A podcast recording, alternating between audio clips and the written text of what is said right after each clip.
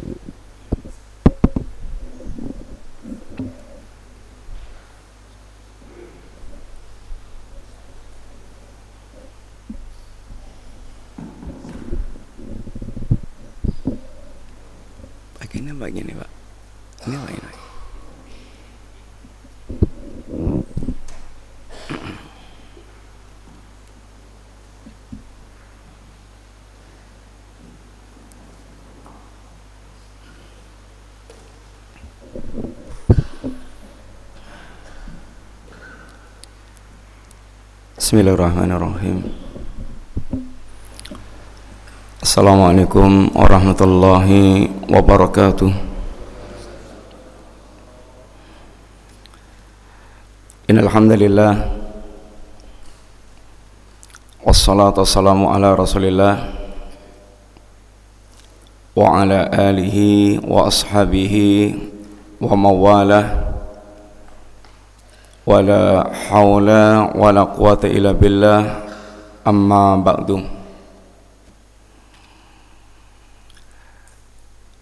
para bapak dan para ibu dan terkhusus para bapak takmir yang pertama mari kita tidak lupa untuk senantiasa bersyukur kepada Allah Subhanahu wa taala yang telah melimpah ruahkan nikmat kepada kita sekalian nikmat yang tidak mungkin bisa kita rekap karena sungguhnya kata Allah wa ma bikum min nikmatin faminallah apa pun nikmat yang anda rasakan kata Allah semuanya datangnya dari Allah Subhanahu wa taala.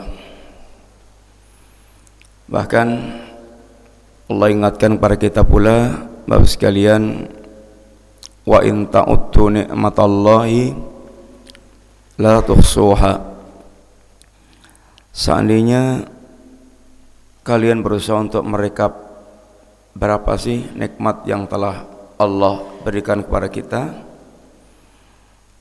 Tentu Kita tidak akan pernah bisa merekap berapa nikmat Allah Subhanahu wa taala yang Allah telah berikan kepada kita. Sehingga seorang mukmin sekalian yang menyadari tentang segala nikmat Allah dalam segala kondisi dia tetap bisa mengucapkan alhamdulillah seorang perawi hadis namanya Abu Kilabah. Beliau di akhir hayatnya itu buntung kedua tangannya dan kondisinya sangat mengenaskan secara umum dalam pandangan manusia secara umum. Bahkan kemudian beliau pun harus menyingkir di sebuah tempat yang jauh dari manusia. Karena penyakit yang beliau derita semua manusia sudah lagi nggak mau mendekat kepada beliau tinggal dia dirawat dengan seorang anaknya. Tapi dalam kondisi seperti ini Abu Kilabah selalu masih bisa mengucapkan kalimat Alhamdulillah Allah yang telah memberikan kepadaku apa yang tidak Allah berikan kepada orang lain. Ketika ada seorang yang mampir ke tempat beliau Lalu mendengar ucapan seperti ini sangat terheran-heran. Dalam kondisi yang sangat mengenaskan tapi kok masih terus bisa keluar kalimat alhamdulillah ditanya apa sih yang Allah telah berikan kepada Bapak ini?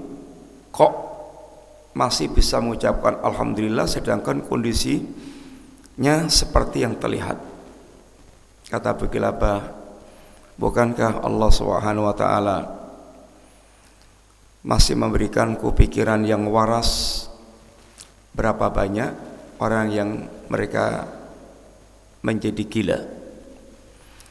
Berapa banyak bukankah Allah masih memberikan kepadaku mata yang melihat dengan jelas berapa banyak orang yang mereka Allah jadikan buta Bukankah Allah telah memberikan kepadaku pendengaran yang masih bisa mendengar Berapa banyak orang yang Allah jadikan mereka tuli Intinya beliau dalam kondisi seperti itu masih bisa mengingat banyak nikmat Allah Subhanahu wa taala. Terlebih yang ngapunten Bapak sekalian, nikmat yang tentu tidak akan mungkin bisa terhitung lagi harganya adalah nikmatul iman. Yaitu nikmat iman.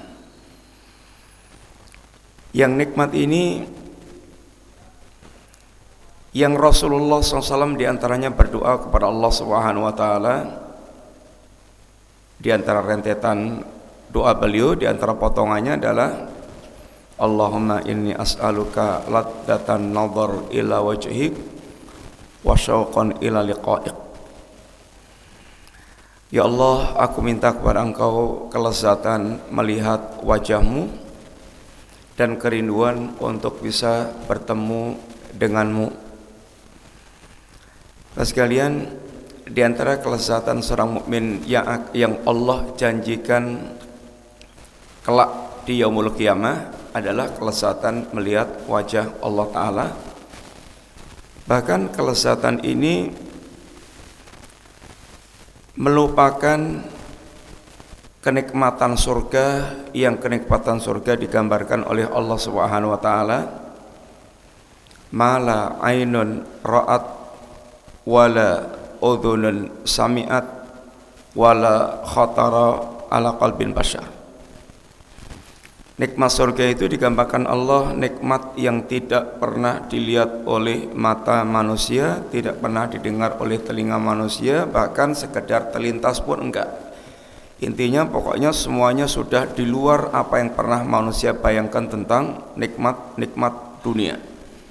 Seandainya sama itu sekedar sama di dalam nama tetapi hakikatnya adalah di luar semua apa yang pernah manusia rasakan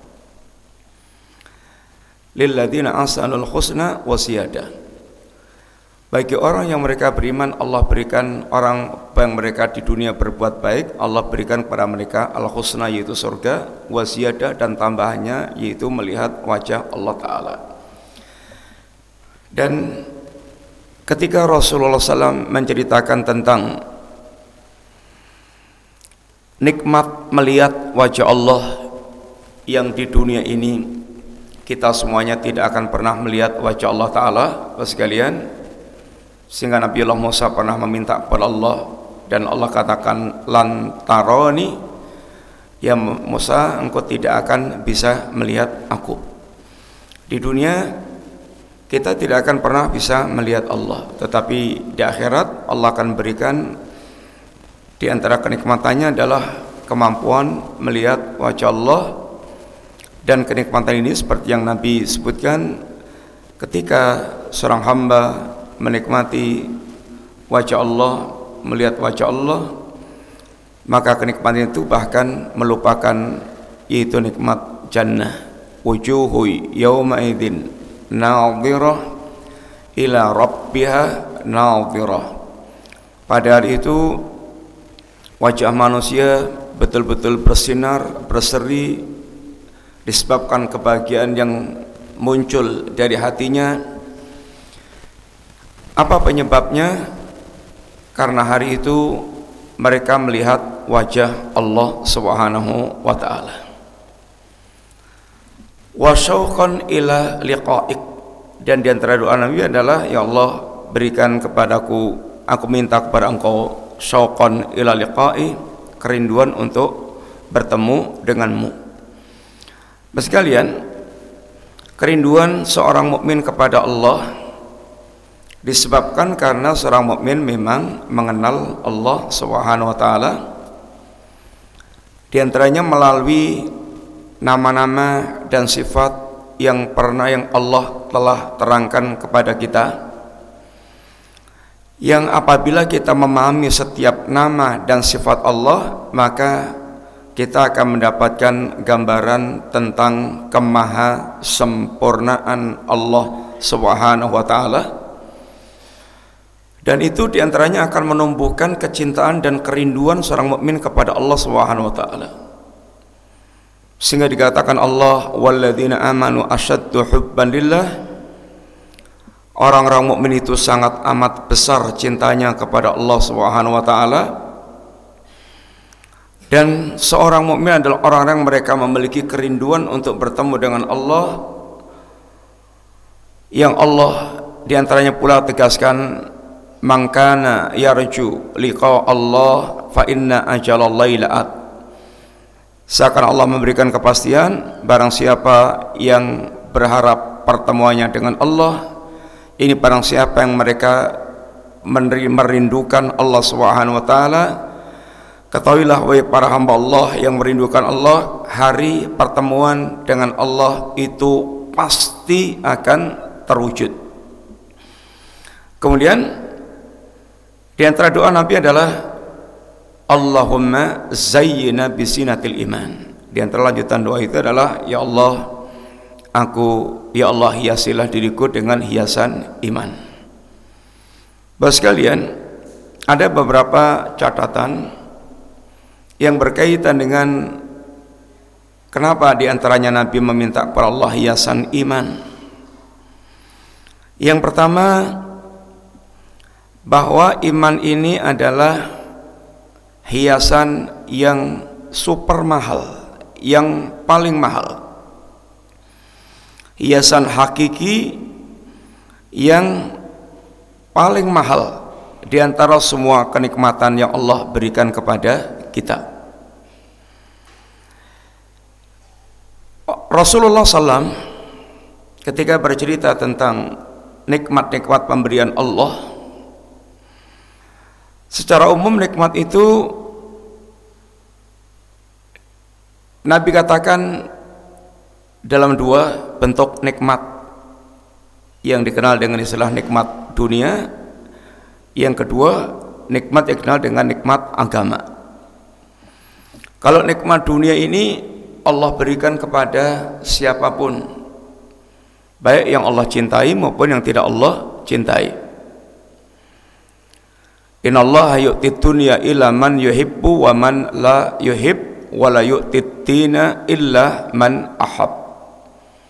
Sesungguhnya Allah SWT memberikan nikmat dunia itu kepada siapa pun. Baik yang Allah cintai maupun yang tidak Allah cintai Semuanya Allah berikan nikmat dunia Kalau dalam Quran kita mengenal ada Nabi Sulaiman. Allah berikan kerajaan yang sangat luas Yang bahkan kerajaan yang tidak pernah Allah berikan kepada orang sebelumnya maupun sesudahnya. Sulaiman kepadanya diperbantukan Allah jin-jin. Sampai ada jin yang mereka sanggup memindahkan kerajaan Bilqis dalam waktu sekejap mata. Kepada Sulaiman Allah perbantukan angin untuk membawa ke mana pun Sulaiman kendaki. Kemudian Sulaiman Allah berikan kepada beliau kemampuan bisa berbicara dengan semua binatang. Sehingga kerajaan ini kerajaan sangat luar biasa. Dan Sulaiman adalah nabi wali Allah. Ini hamba yang Allah sangat cintai dan Allah berikan dunia yang sangat luar biasa. Demikian juga kalau bicara harta di antara mukminin kita ada kenal orang-orang yang Allah berikan harta yang melimpah ruah. Contohnya sahabat Utsman bin Affan yang hartanya sahabat Utsman bin Affan ini bisa kita lihat dari contoh-contoh berapa infak yang Isman keluarkan untuk Islam dan kaum muslimin. Osman sekalian pernah memberikan atau membelikan rum, sumur untuk digratiskan kepada kaum muslimin dari seorang Yahudi yang nilainya itu 20 dinar 20 dinar satu dinar itu kira-kira 4, sekian gram emas. Kalau satu gram sekarang itu kira-kira kita bulatkan satu juta Bapak sekalian berarti 4 juta kali 20 ribu. Pinter nih 20 ribu kali 4 juta. Pinter pak. 80 ribu ada 4 juta kali 20 ribu berapa 80 miliar Sumur mahal banget sih. Ya sumur Saudi atau sumur sana beda dengan sumur kita. Itu pertama. Yang kedua, Osman seorang pedagang yang super kaya pernah datang dengan barang dagangan sebanyak barang dagangan di atas seribu unta. Yang baru datang dari negeri seberang. Yang para tengkulak sudah siap untuk ini membeli barang dagangan Utsman. Akan tapi oleh Utsman barang dagangan yang sekian banyak itu di atas seribu unta ini beliau jual kepada Allah Subhanahu wa taala. Yang kalau Allah membeli dagangan hambanya akan Allah berikan keuntungan 10 asyrah ila sabai mi'atin dhifin ila at'afin kathirah. 10 sampai 700 kali lipat sampai lipatan yang tidak terhingga. Alias Utsman gratiskan semuanya ini kepada kaum muslimin. Utsman di waktu perang Tabuk sekalian perang Tabuk Tabuk itu kalau Bapak sekalian umroh atau haji sempat ke Tabuk jarak antara Madinah dengan Tabuk itu kira-kira 700 kilo. 700 kilo itu ya kalau kira-kira kita bayangkan Jogja Jakarta itu sekitar 500an kilo. Jadi kira-kira satu setengah Jogja Jakarta. Dengan ditempuh dengan ya kendaraan jihad waktu ya kuda atau ya onta yang situasinya lebih lagi memberatkan lagi Perang Tabuk dikenal dengan Yaumul Usrah yaitu hari yang sedang sulit karena paceklik. Sehingga banyak orang yang kesulitan ekonominya dan tentu jarak perang yang semakin jauh itu semakin memakan biaya Utsman menanggung biaya perang Tabuk sepertiga dari biaya perang Tabuk ditanggung oleh Utsman ini sekedar contoh di antara orang mukmin yang Allah berikan kekayaan yang berlimpah ruah. Al-Imam Ibn Mubarak sekalian seorang ulama yang dikenal sebagai ulama in alul hadith mujahid kemudian terkenal dengan zuhud tetapi beliau adalah seorang yang kaya raya sehingga sering mengkafil atau menjamin kehidupannya para tulab, para mahasiswa, para santri, menjamin kehidupan para ulama. Bahkan Ibnu Mubarak pernah menghajikan orang sekampung gratis PP sak oleh-olehnya. Itu adalah kisah yang berkaitan dengan ulama Al-Imam Ibnu Mubarak. Intinya kita hanya sekedar menggambarkan bahwa ada di antara orang mukmin itu yang juga Allah berikan kekuasaan, Allah berikan harta, Allah berikan fasilitas dunia yang macam-macam. Dan mereka orang-orang yang dicintai oleh Allah taala.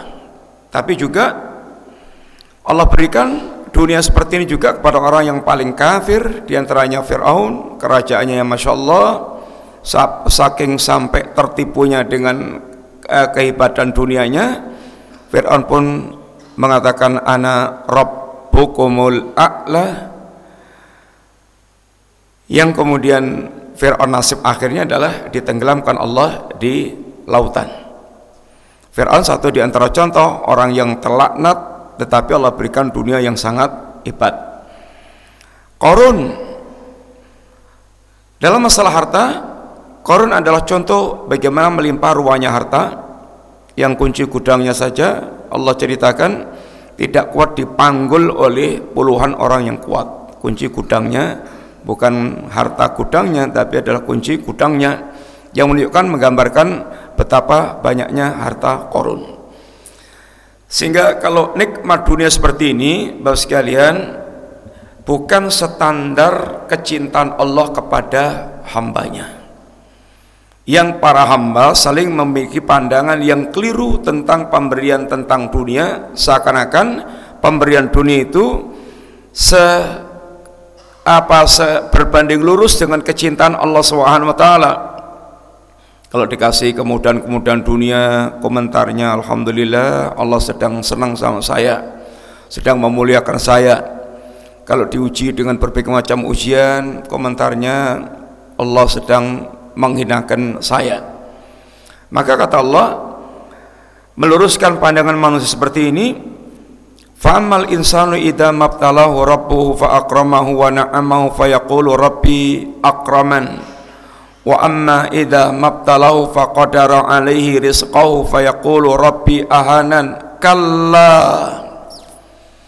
Manusia itu kata Allah jika Allah berikan jika Allah uji kata Allah ida mabtalahu jika Allah menguji hambanya menguji manusia dengan nikmat-nikmat yang Allah berikan kepada mereka komentarnya Robku sedang memuliakanku. Tapi kalau Allah uji dengan kesulitan pembatasan urusan dunia komentarnya Rabbi ahanan Rabbku sedang menghinakanku. Kata Allah kalla. Oh tidak seperti itu. Urusannya bukan soal Allah memuliakan dan Allah menghinakan tapi urusannya adalah ini Allah sedang menguji manusia menguji seseorang dengan kemudahan dalam urusan dunianya atau Allah sulitkan dalam urusan dunianya. Ya tidak lain untuk melihat sebagaimana kata Nabi Allah Sulaiman hadza min fadli rabbi liyabluwani aashkur am akfur ketika diuji dengan berbagai macam nikmat-nikmat Allah itu apakah dia akan tampil sebagai hamba Allah yang bersyukur atau malah kufur? Kalau diuji dengan berbagai macam kesulitan Allah akan melihat apakah menjadi hamba Allah yang ini sabiran yang saburan yang bersabar atau malah menjadi hamba Allah yang putus asa. Ini ada berkaitan dengan ujian. Malah dan sekalian dikenal dalam agama kita dengan istilah istidraj ini orang yang mereka itu durhaka kepada Allah tenggelam dalam maksiat tapi justru dunianya Allah bukakan biak lebar-lebar untuk mereka supaya mereka semakin tenggelam dalam yaitu keserangan-keserangan yang mereka semakin tambah durhaka kepada Allah Ta'ala. Yang rumusnya kata Nabi idza ra'aitumullaha idza ra'aitumullaha idza ra'aitumullaha yu'til abda ma yuhibbu wa huwa ala ma'asihi fa'lam ana ma huwa istitrat wa kama qala. Jika Anda melihat ada orang yang Allah Subhanahu wa taala berikan kepadanya pemberian-pemberian dunia yang dia senangi padahal dia ahli maksiat maka ketahuilah itu adalah istidraj dari Allah taala sanastadrijuhum min haitsu la ya'lamun. Akan kami istidraj mereka dari arah yang tidak mereka sangka-sangka. Falamma nasu ma dzukiru bih fatahna alihim abwaba kulli syai hatta idza farihu bima utu akhadnahum baghtatan faidahum mublisun kata Allah tatkala mereka itu melupakan peringatan Allah mereka hidup tenggelam dengan hawa nafsunya. Mereka hidup tanpa mau tahu dengan peringatan-peringatan Allah.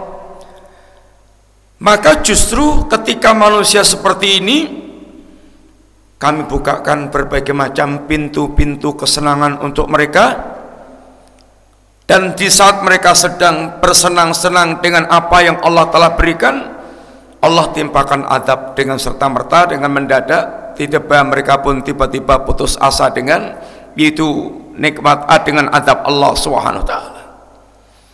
Sehingga sekalian catatan pertama bahwasanya kalau soal urusan dunia seperti ini maka Allah Subhanahu wa taala berikan kepada siapa pun dan sifatnya lebih pada ujian.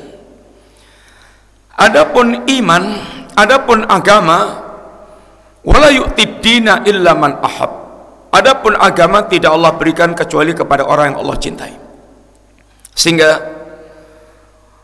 apabila kita ingin melihat posisi kita di mana dalam pandangan Allah taala dicintai atau dimurkai oleh Allah maka silakan Bapak sekalian kita melihat diri kita masing-masing sejauh mana perhatian kita terhadap agama. Maksudnya perhatian agama adalah ya ilmu dan amal. Sejauh mana semangat kita belajar agama sejauh mana semangat kita untuk mewujudkan ilmu yang telah kita lakukan. Karena hakikat agama adalah ilmu dan amal. Ilmu yang tidak diamalkan itu namanya ilmu yang tidak bermanfaat sedangkan Rasulullah berlindung dari ilmu yang seperti ini Allahumma ini a'udzubika min ilmin la yanfa. Ya Allah aku berlindung kepada engkau dari ilmu yang tidak bermanfaat. Yang ilmu tidak bermanfaat itu cirinya pada kelanjutan doanya. Wa min qalbin la yakhsha wa min nafsin la tasba wa min da'watin la yustajabulah. Di antara ciri ilmu yang manfaat satu, hatinya nggak bisa khusyuk. Hatinya nggak bisa khusyuk, nggak bisa fokus, nggak nggak punya rasa takut kepada Allah Subhanahu wa taala. Tidak khusyuknya hati, Bapak sekalian. Itu di antaranya adalah di antara dampak kemaksiatan yang manusia lakukan. Membuat nyon ngapunten antara hati dan lisan kadang-kadang susah klop susah klop lesanya sih berzikir lesanya berzikir subhanallah alhamdulillah la ilallah wa la hawla wa la quwata illa billah. Tapi enggak klop dengan hatinya. Sehingga untuk nyambung itu susah. Sehingga akhirnya zikir-zikir lisannya itu kurang berdampak kepada hati manusia. Itu yang dikatakan dengan bagian dari pengkhianatan hati. Di antara dampak maksiat itu membuat ini hati berkhianat. Susah kita atau dia akan berkhianat saat kita butuhkan. Puncaknya pengkhianatan hati itu bos sekalian itu yang paling mengerikan ketika orang dalam kondisi sakaratul maut pengen mengucapkan kalimat la ilaha illallah bahkan ditalkan mengucapkan kalimat itu tapi hatinya nggak mau Hati enggak mau. Sehingga Al-Imam Ibn Al-Qayyim beliau cerita dalam kitab ini ada wadawa ada orang ditalkin dengan kalimat la ilaha illallah yang keluar malah sekak. Dan dia mati dengan ucapan terakhir sekak aku sudah mengalahkan kamu karena hari-harinya memang suka sekak catur sekak sekak sekak sekak. Sehingga kalimat terakhir sekat ada orang ditalkin kalimat la ilallah ucapannya malah bagus murah bagus murah. Karena hariannya hanya dagang saja urusannya itu hanya dodol payu untung sehingga urusan hidupnya hanya sekitar itu. Dan berbagai macam ucapan yang beliau ceritakan tentang orang yang mereka semuanya ini merupakan buah daripada pengkhianatan hati. Seperti termasuk di antaranya terkadang orang yang mereka itu sudah capek bermaksiat. Maksiat itu juga ada capeknya. Orang kadang udah nggak lagi merasakan enggak lagi merasakan nikmatnya maksiat. Dulu waktu mau bermaksiat itu tergambar di benaknya itu betapa nikmatnya maksiat. Tapi orang sampai ketika begitu sudah kecanduan maksiat itu sampai tidak lagi dia bisa merasakan maksiat tapi nggak bisa keluar dari jeratan maksiat. Karena obatnya gusa, obatnya gelisah, gundah, gulana itu ya maksiat yang dia lakukan berikutnya. Kayak orang ngisep narkoba, dia ngisep narkoba itu kadang tahu capek dan betul-betul sengsara. Tapi obatnya untuk sengsara itu dia harus ngisep narkoba lagi. Itu namanya orang kecanduan. Ah orang seperti ini kadang pengen taubat tapi nggak bisa. Hatinya nggak mau diajak bertaubat itu namanya di antaranya pengkhianatan hati. Sekalian termasuk di antaranya adalah susah fokus susah khusyuk. Susah dia khusyuk. Diajak kita pengen khusyuk pengen menangis tapi nggak bisa. Itu termasuk di antara dampak pengkhianatan hati. Kata Ibnu Qayyim ibaratnya itu seperti senjata yang masuk sarungnya pas harus berhadapan dengan musuh karena ini senjata ini sudah karatan menyatu dengan sarungnya pas harusnya itu dia cabut untuk bisa memenggal musuh nggak bisa dicabut. Karena karatan. Hati yang berkarat ini yang karatan karena maksiat itu yang akan membuahkan yaitu pengkhianatan pengkhianatan hati. Akhirnya dia harus kalah dengan musuhnya terus harus jatuh maksiat terus harus kalah dengan setan terus karena memang hatinya sedang berkhianat. Sekalian kemudian wamin nafsin la tasba. Di antara contoh ilmu yang manfaat kata Nabi adalah hatinya tidak pernah puas dengan yaitu urusan dunia. Nggak kenyang-kenyang. Seorang mukmin mestinya Bapak sekalian ketika dia memahami dunia memahami dunia yang digambarkan oleh Allah dan Rasulnya bagaimana Allah menggambarkan dunia. Harusnya dia semakin berorientasi akhirat dan semakin zuhud dengan dunia. Nyun ngapunten zuhud itu bukan amalan dohir tapi amalan batin yaitu hati yang betul-betul berpaling dari dunia sedikit pun tidak terfitnah dengan dunia karena fokus dengan akhirat. Sehingga orang yang zuhud itu bapak sekalian boleh jadi dia adalah orang yang harta dunianya melimpah ruah. Boleh jadi dia orang yang atau menjadi raja besar boleh jadi dia orang yang kaya raya konglomerat tapi dia zuhud dan orang yang tampilannya nyon ngapunten kere belum tentu dia zuhud. Boleh jadi dia hatinya pun sangat rakos dengan dunia hanya tidak berkesempatan saja untuk mendapatkan dunia. Intinya zuhud kembalinya kepada hati manusia. Dan itu berkaitan dengan sejauh mana tingkat keimanan seorang dan seberapa orientasi akhirat yang ada di dalam hatinya. Kalau kita semakin rakus atau semakin banyak ngaji kok kemudian juga tidak mendo-mendo atau semuanya tetap tidak berkurang rakus kita dengan dunia ini alamat ilmu kita belum manfaat. Yang ketiga wa min dakwatin la yustajabullah doa-doa yang tidak dikabulkan oleh Allah taala. Doa itu asalnya pasti dikabulkan Allah hanya ada penghalang-penghalang doa di antara penghalang doa adalah maksiat. Sehingga Nabi ketika cerita orang yang mereka punya sebab-sebab terkabulnya doa yutilu safar safarnya jauh. Safar itu bahwa sekalian di antara saat dikabulkannya doa ketika hamba berdoa. Kemudian as-asa akbar rambutnya acak-acakan tampilan acak-acakan karena kondisi tidak sempat merawat itu ada termasuk juga faktor terkabulnya doa. Ya mutu yadai ila sama menjulurkan kedua tangannya ke atas itu juga faktor terkabulnya doa. Kemudian mengatakan Robbi Robbi ilhah yaitu merengek-rengek dalam doa itu maksud sebab terkabulnya doa. Tapi kata Nabi wamat amuhu haram makanannya haram wa masrabu haram minumannya haram. Kemudian wa malbasu haram pakaiannya haram wa bil haram dia pun juga dikenyangkan dengan hal-hal yang haram Fa'anna yustajabulah bagaimana orang seperti ini akan dikabulkan doanya oleh Allah Subhanahu wa taala. Ilmu yang tidak manfaat di antara dampaknya adalah ini hal tersebut. Bapak sekalian, yang pertama di antara catatan di antara kenapa Nabi berdoa kepada Allah yaitu agar Allah uh, yaitu minta hiasan iman Allah. Allahumma zayyina bi zinatil iman. Karena iman itu adalah nikmat Allah yang termahal.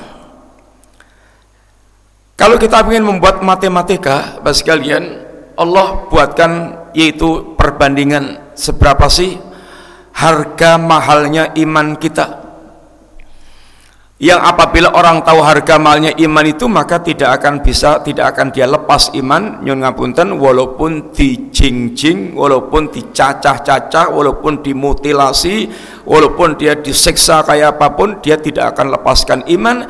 Ketika dia tahu harga iman dan ketika dia telah merasakan nikmat iman. Bilal bin Rabah bagaimana diseret, disiksa, dicambuk, ditindih batu hanya untuk supaya melepaskan iman. Tapi Bilal lebih lezat dengan iman yang dirasakannya. Dan lebih tahu di mana posisi iman itu dibandingkan dengan yaitu dunia yang ditawarkan. Termasuk sahabat-sahabat yang lainnya. Termasuk Rasulullah SAW ketika beliau berdakwah dan bahkan ditawarkan segala hal kepada Nabi Muhammad Cari apa sih engkau dengan dakwahmu kamu, itu? Kalau kamu memang cari ya ini kekuasaan, kami akan jadikan Anda penguasa dan semuanya kami akan tunduk patuh kepadamu. Muhammad, kalau kamu cari harta, atak kumpulkan hartanya Quraisy biar kamu jadi orang yang paling kaya di antara kami. Kalau kamu cari wanita, kami pilihkan wanita yang paling kamu suka. Bapak sekalian, Rasulullah SAW punya kalimat yang menunjukkan bagaimana yaitu harga iman, harga agama dibandingkan dengan semua yang mereka tawarkan. La wada'u samsa fi yamini wal qamara fi shimali ala an atruka hadal amra la atruku. Seandainya mereka sanggup meletakkan matahari di tangan kananku dan bulan di tangan kiriku dan tentu itu mustahil. Tapi seandainya mereka sanggup untuk meletakkan itu dalam rangka supaya aku meninggalkan mendakwahkan kalimat tauhid kalimat la ilaha illallah kalimat iman tidak akan aku tinggalkan sampai Allah memenangkanku dengan urusan dakwah ini atau menghancurkanku dengan urusan dakwah ini.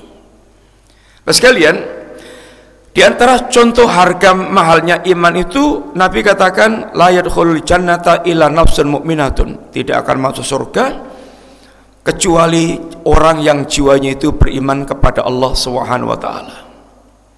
Sekalian, kalau orang tidak selamat dari neraka, berapa dia siapkan tebusan untuk bisa terbebas dari neraka itu? Allah gambarkan innalladzina kafaru wa matu wa hum kufarun fala yuqbala min ahadihim mil'ul ardi daban wala wiftadabi kata Allah sesungguhnya orang-orang yang kafir kalau sampai matinya itu tetap dalam keadaan kafir yang kepastian bagi orang yang kafir innalladzina kafaru min ahlil kitab wal musyrikina fi nari jahannama khalidina fiha.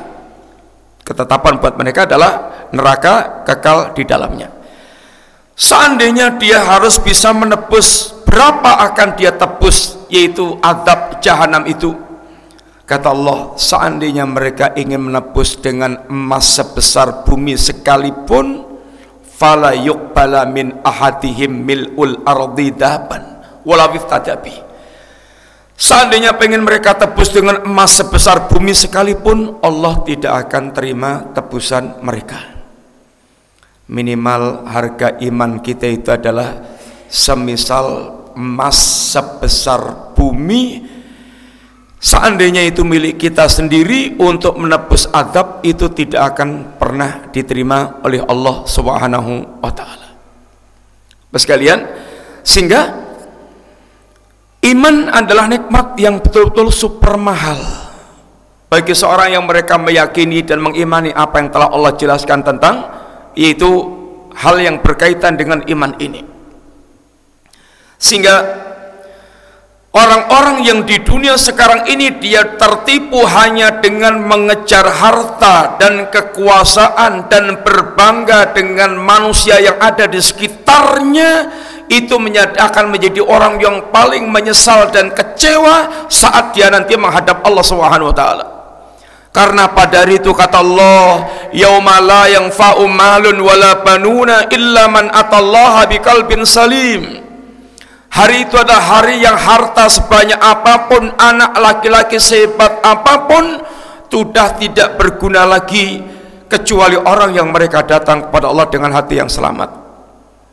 Kata Ibnu Qayyim, kalbun salim itu adalah hati yang selamat dari syirik, selamat dari bid'ah, selamat dari ghaflah, selamat dari syahwat, selamat dari syubhat.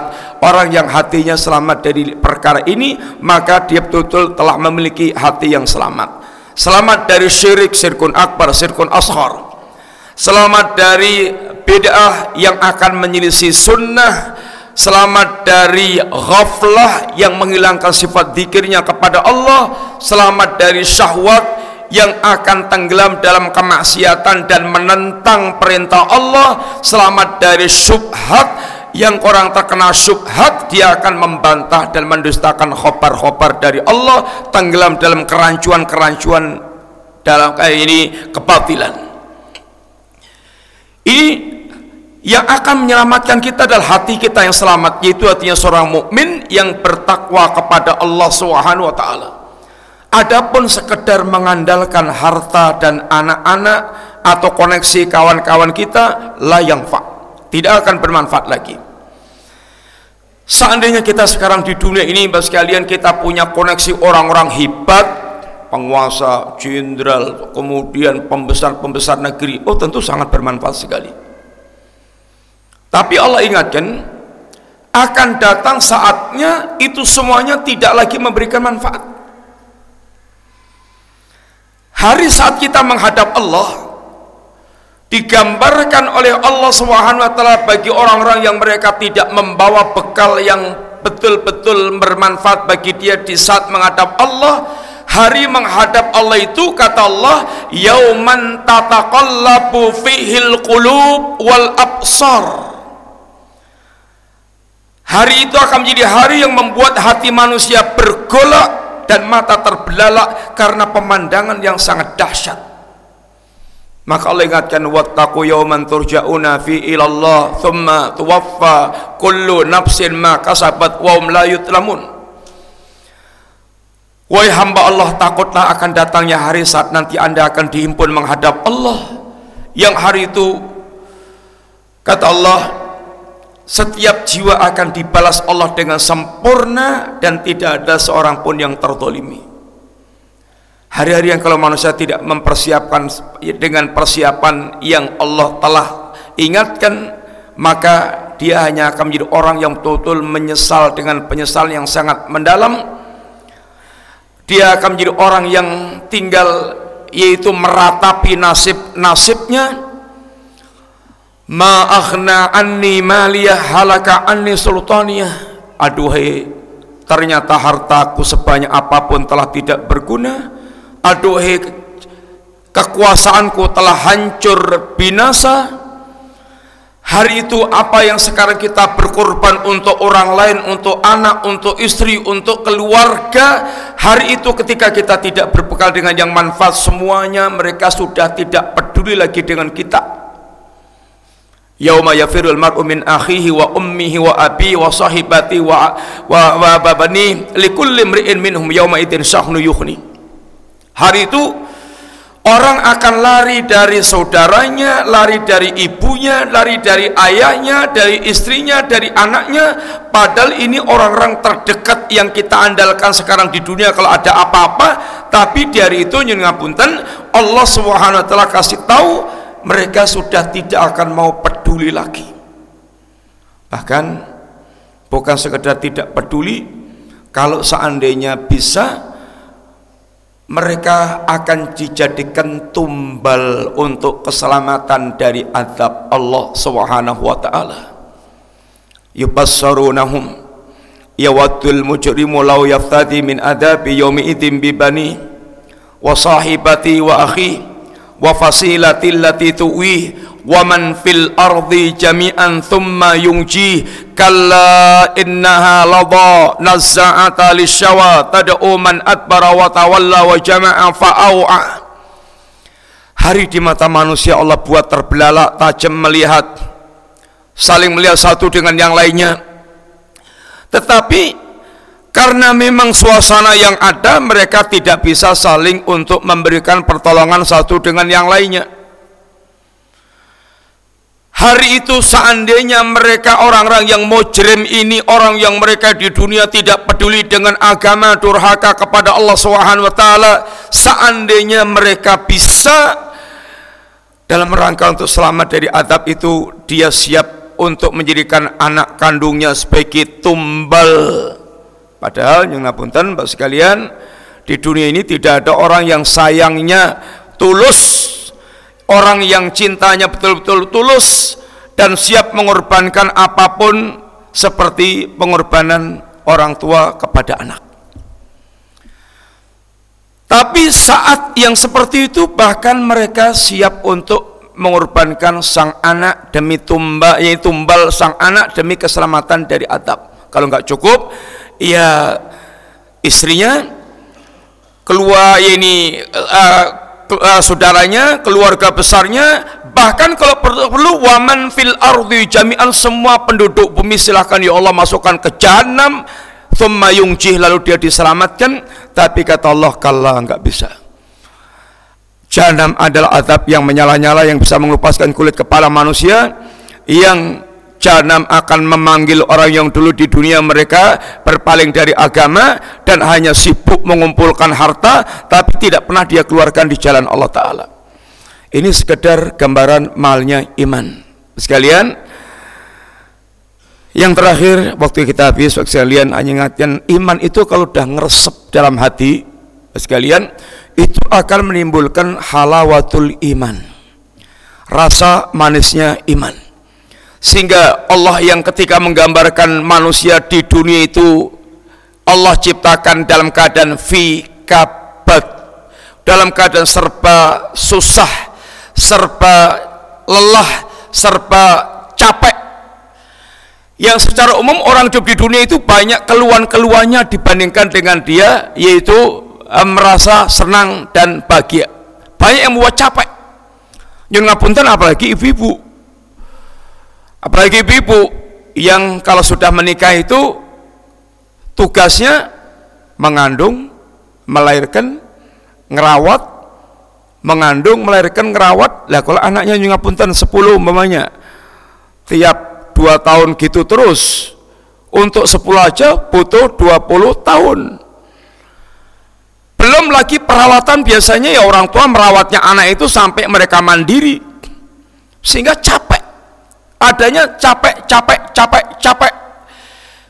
Tapi, Bapak sekalian, ketika iman itu ngeresep dalam hati kita, bisa merubah dunia yang banyak membuat capek kita itu menjadi jannatul dunia.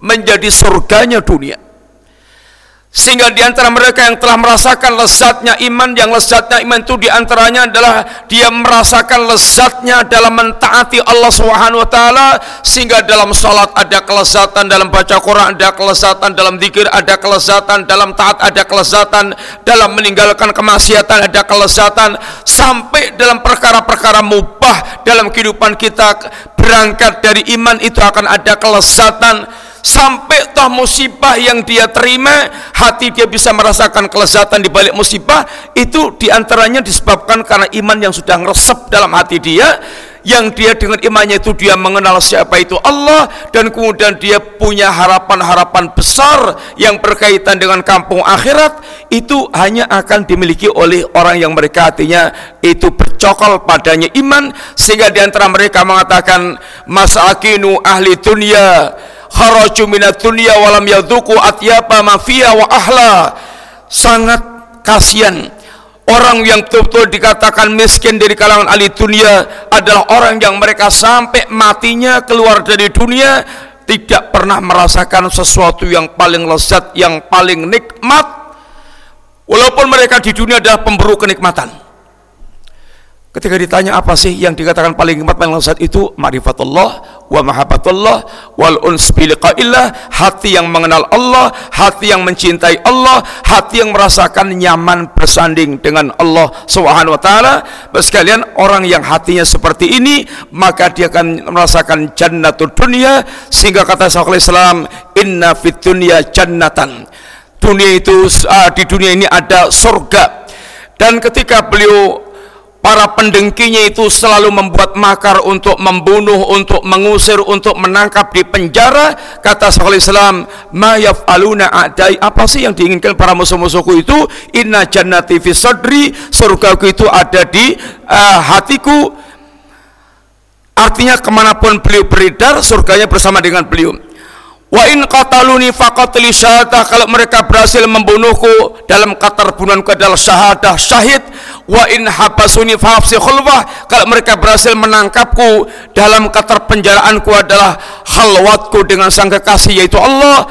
Kalau mereka wa in taratuni fatardisyaha kalau mereka berhasil mengusirku dalam keterusanku adalah pelesir Sekalian bicara iman sangat panjang lebar. Akan tapi waktu kita habis Mudah-mudahan yang sedikit uh, menjadi renungan buat kita Bapak sekalian bahwa iman kita adalah yaitu nikmat yang paling mahal dan hiasan yang paling indah karena akan membuat hidup kita betul sangat nyaman dan akan membentuk kepada kita dengan iman itu al-akhlakul karimah sehingga akan menjadi sangat nyaman hubungan kita dengan Allah, hubungan kita dengan para hamba Allah dan juga dalam menikmati semua hal yang berkaitan dengan peristiwa dalam kehidupan kita.